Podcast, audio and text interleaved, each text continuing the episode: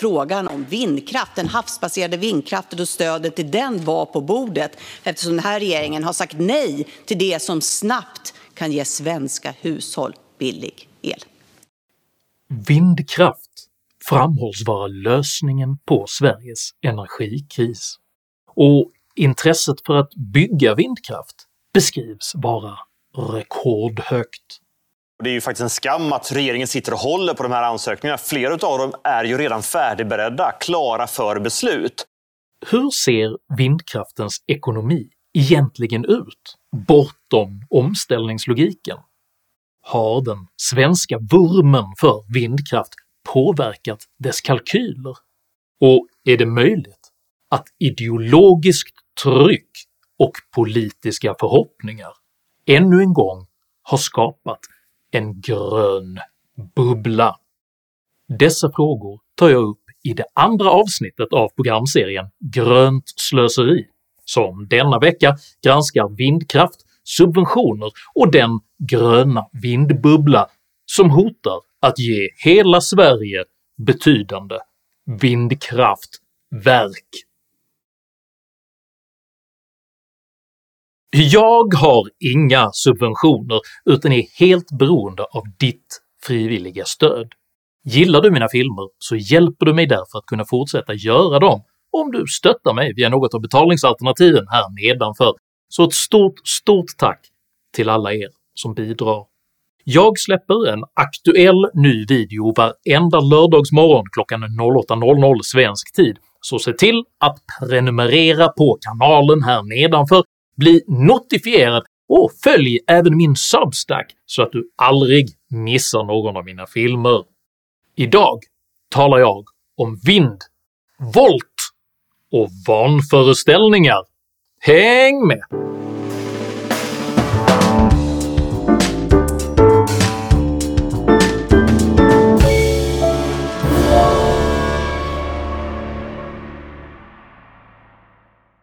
And how many times can a man turn his head and pretend that he just doesn't see?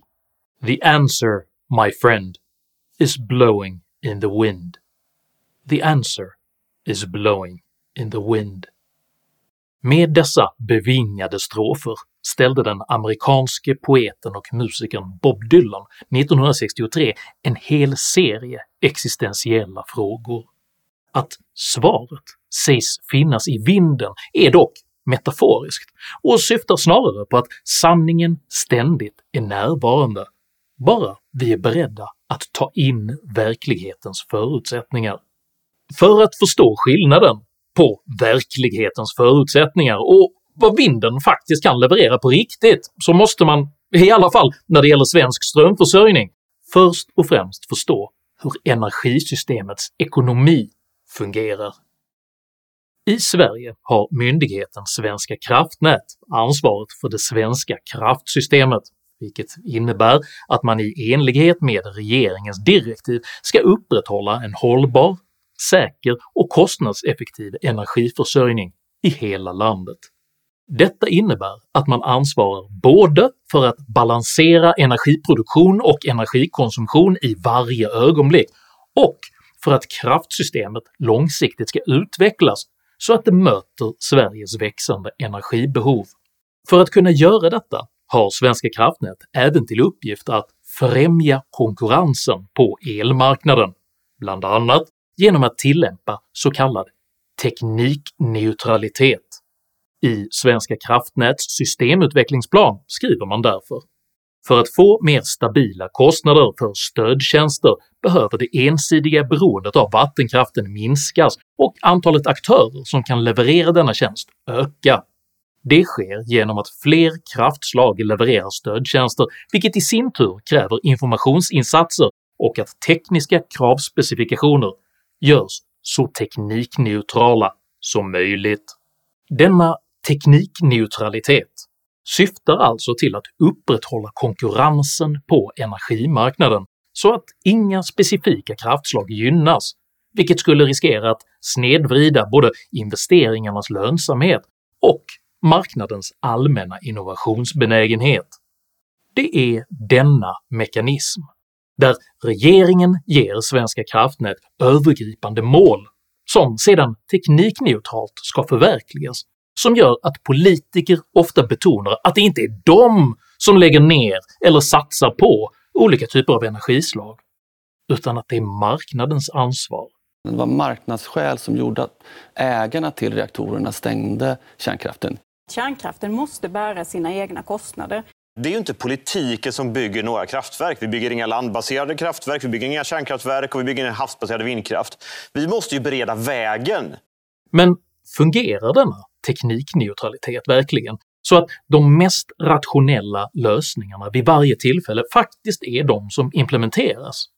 Eller har ideologiskt motiverade politiker funnit indirekta vägar för att ändå kunna styra energimarknaden utifrån sina egna subjektiva ideal.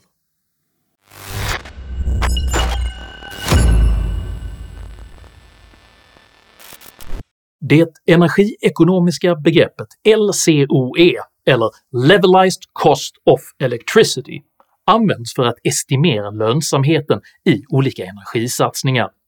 Detta görs genom att beräkna den genomsnittliga nuvarande nettokostnaden för en generators elproduktion under dess livstid.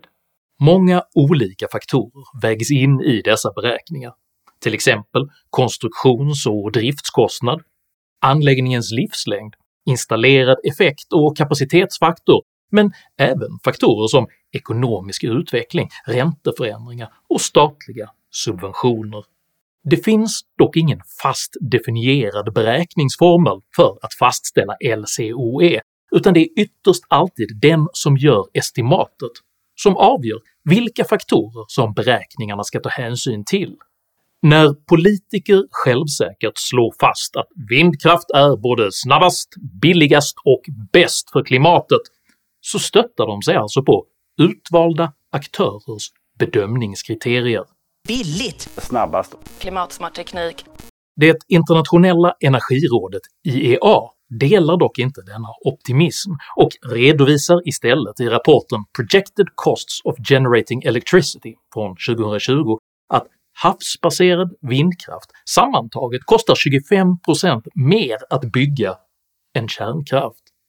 Den storskaliga brittiska studien “The Costs of Offshore Wind Power, Blindness and Insight” bekräftar IEAs siffror och indikerar att anläggningskostnaden för havsbaserad vindkraft stiger över tid. Långt ifrån att minska så ökade istället de faktiska kapitalkostnaderna kraftigt för nybyggnation av vindkraft per kapacitetsmegawatt mellan 2002 och 2015 och har som bäst planat ut sedan dess. Denna kostnad som för Storbritannien nu ligger runt 50 miljoner svenska kronor per megawatt installerad effekt, innebär att kärnreaktorerna som nyligen driftsattes i Abu Dhabi alltså var 10 miljarder kronor billigare en motsvarande effekt genom havsbaserad vindkraft. En ytterligare fördyrande omständighet är att vindkraftens oplanerbarhet omöjliggör effekt och leveranssäkerhet, vilket innebär att en korrekt kostnadskalkyl utifrån Svenska kraftnäts teknikneutrala balansansvar även borde kräva att vindkraften bär kapitalkostnaderna för den ersättningskraft som krävs vid de tillfällen då det inte blåser. Eftersom Svenska kraftnät ögonblickligen måste kunna balansera energiproduktion och energikonsumtion innebär en större andel oplanerbar energi i systemet att en lika stor planerbar effektreserv måste kunna aktiveras så snart vinden mojnar. Givet den avgångna regeringens ambitioner att introducera hela 120 TWh från vindkraft årligen måste denna mängd reservenergi både identifieras och budgeteras. Sveriges samlade vattenkraft och kvarvarande kärnkraft producerar sammantaget omkring 120 TWh per år, men denna kraft kan inte avvaras som en passiv backup för användning endast de dagar då det inte blåser. Det kvarstående alternativ som oftast anförs är att vindkraften vid överproduktion ska producera så kallad grön vätgas som kan driva reservgeneratorer vid vindbortfall. Vätgas produceras genom elektrolys, vilket i korthet innebär att man genom elektroder driver ner enorma mängder elektricitet i vatten så att dess syre och vätemolekyler drivs isär. I konverteringen från vindkraftsel till vätgas och från vätgas tillbaka till elektricitet förloras sammantaget cirka två tredjedelar av vindkraftselen. I runda slängar innebär detta att varje enskild kilowattimme vätgasel alltså kräver en motsvarande installerad vindkraftseffekt på ungefär 6 kilowattimmar, givet ett antagande om ungefär 50% kapacitetsfaktor för havsbaserad vindkraft. Om kombinationen vindkraft och vätgas tillsammans ska kunna leverera 100 terawattimmar el per år kräver detta alltså 200 terawattimmar producerad vindkraftsenergi, varav 150 terawattimmar går till att producera vätgaselen och 50 terawattimmar går direkt ut som vindkraftsproducerad el.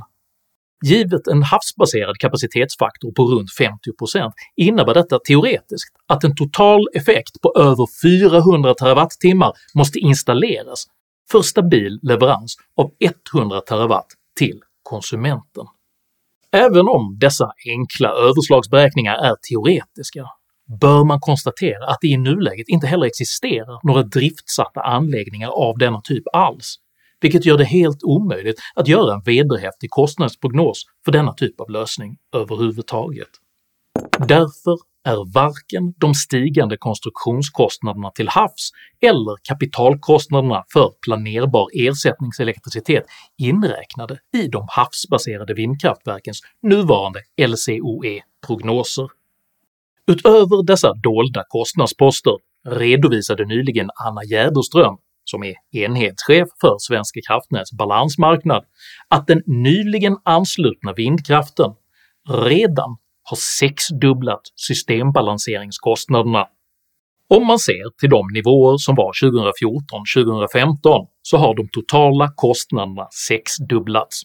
Om man då låg under 1 miljard kronor per år så ser vi nu att det går åt 6 miljarder kronor per år för stödtjänster. Det blir slutkunden som till sist betalar för dem, även om det sker via nätbolaget eller via e-handlare eller balansansvarig. Och då har vi ännu inte räknat in den svenska statens subventioner av vindkraften.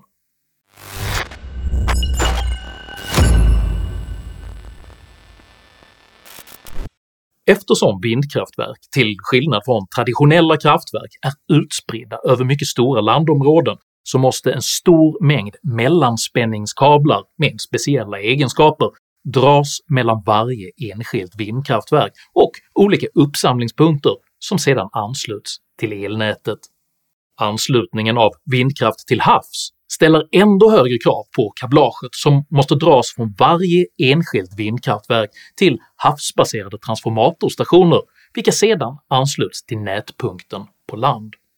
Kostnaderna för dessa storskaliga anslutningar har visat sig utgöra ungefär en tredjedel av hela projektkostnaden för en havsbaserad vindkraftspark och är enligt OECDs kärnkraftsorgan NEA ungefär tre gånger dyrare än traditionell koncentrerad kraftverksproduktion.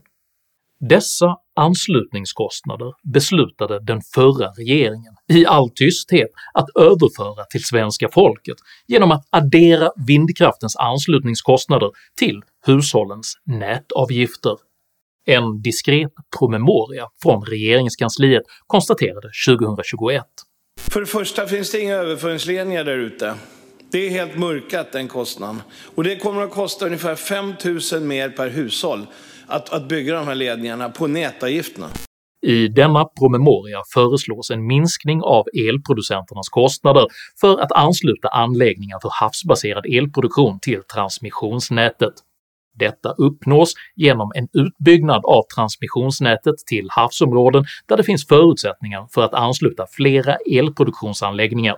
En sådan utbyggnad ska ske där det bedöms främja uppfyllelsen av Sveriges mål om förnybar elproduktion.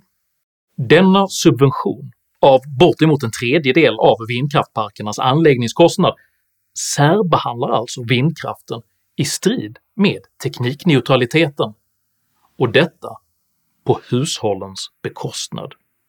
Sveriges nytillträdda regering aviserade dock nyligen ambitionen att återgå till ett teknikneutralt energimarknadssystem. Omställningen är absolut nödvändig, men inte ett hinder, utan en stor möjlighet. Därför säger den nya regeringen ja till högt ställda klimatmål för näringslivet, men nej till politik som stryper näringslivets innovationsförmåga. De som vill bygga vindkraft till havs ska inte längre få stöd för anslutningarna till stamnätet.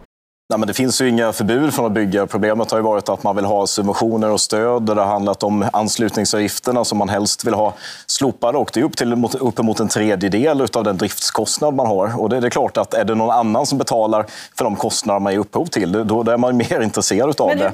Då är det ju avhängigt att ska vi då bjuda på den här anslutningsavgiften som nu var på väg att gå via SVK.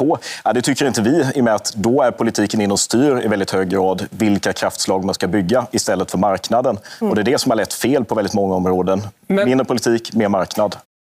Sveriges Televisions reaktion på denna marknadskorrigering är mycket talande och tyder på att man saknar förståelse för teknikneutralitetens betydelse och istället anser vindkraften vara en energikälla med ett intrinsikalt egenvärde.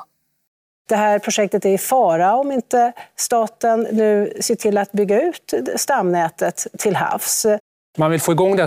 Varför är det då rätt att göra det svårare för företagen att, eh, genom att man ska stå för den här avgiften som kan vara upp till en tredjedel av hela kostnaden för en stor vindkraftpark? Dessa reaktioner följdes i veckan av ett reportage som kritiskt fastslog att vindkraften subventioneras nästan överallt.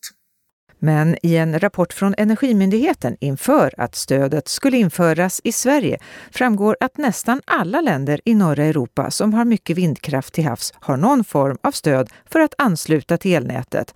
Rapporten är från 2018. Men rent generellt så tycker jag den där listan, listan är heltäckande och eh, gäller fortfarande. Mm. Så då är det så att det finns subventioner på de flesta håll där man bygger ut havsbaserad vindkraft alltså? De flesta har någon form av modell där man ger stöd till aktörerna på ett eller annat sätt. Ja. Detta reportage är på sätt och vis tragikomiskt eftersom det är menat som en skarp kritik av den nya regeringens slopade subventioner, men oavsiktligt driver hem poängen att all havsbaserad vindkraft är olönsam och alltså inte klarar sig på en teknikneutral marknad utan statliga subventioner. Och mycket tyder på att man har rätt, för vindkraftsbranschen blöder just nu stora pengar.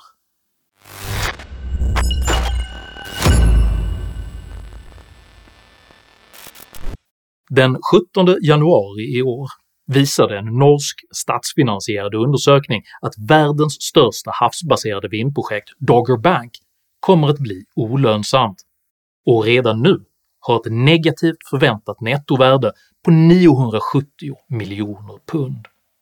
Sju månader senare redovisade även den danska vindkraftsjätten Vestas en förlust på 884 miljoner euro för första halvåret 2022. Mönstret upprepas även i Sverige. Under fyra års tid tvingades exempelvis kommunerna Karlstad och Hammarö skjuta till närmare 260 miljoner skattekronor innan man lyckades sälja av en misslyckad kommunal satsning på vindkraft i Vänern. Och på samma sätt tvingades Region Gävleborg alldeles nyligen sälja sin egen vindkraftssatsning till 60 miljoner kronors förlust för skattebetalarna. Jag kan inte säga om det var vår egen klantighet eller om vi hade otur. Så det gick ju fel från början och det sköttes dåligt.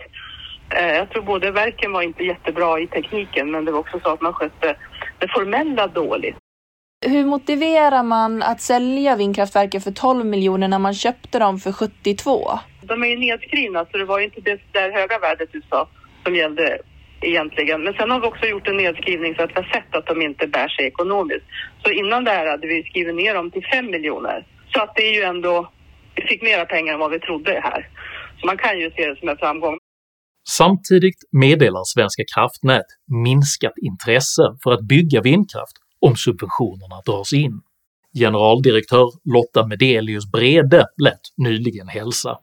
Jag antar att en del av de här aktörerna ser att den här subventionen har varit betydelsefull för deras totala ekvation när man gör sin investering, så det kan vara en del aktörer som faller ifrån.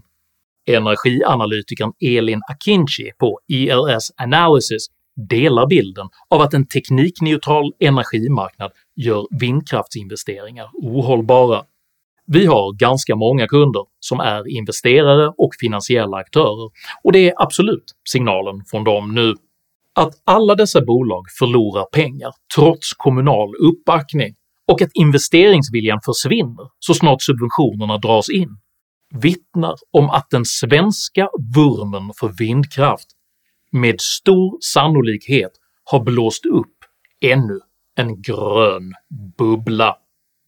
Anledningen till att både politiker, media och näringsliv under flera år lyft fram dessa glädjekalkyler både gällande lönsamhet, livslängd, underhåll och konstruktionskostnader för just vindkraften är för att man till varje pris har velat få in mer förnybar energi i kraftsystemet.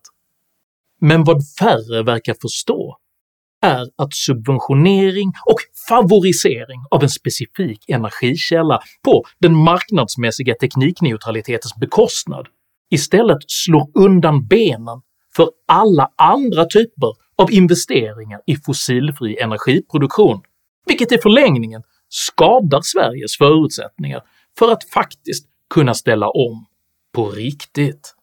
Denna video ska således inte uppfattas som ett angrepp på vare sig vindkraften eller på klimatarbetet, utan som en kritik av favorisering, en kritik av glädjekalkyler och en kritik av subventioner som skapar gröna bubblor som hindrar omställningsarbetet. För ytterst ligger, som Bob Dylan säger, svaret inte i vinden själv, den bär bara vittnesbörd om att sanningen finns inom oss alla, så länge varje idé släpps fram på sina egna meriter. Om du uppskattade innehållet i denna video så hjälper det mycket om du delar den med dina vänner och kanske till och med stöttar mitt arbete via något av betalningssätten här nedanför. Dela även gärna med dig av dina egna åsikter och erfarenheter i kommentarsfältet här nedanför, men jag ber dig att alltid vara artig. Jag accepterar inte aggression, personpåhopp eller rasism i mina idédrivna kommentarsfält. Tack för att du som kommenterar respekterar detta. Jag heter Henrik Jönsson och jag är för gröna marknadslösningar, men mot subventioner. Tack för mig och tack för att ni har lyssnat.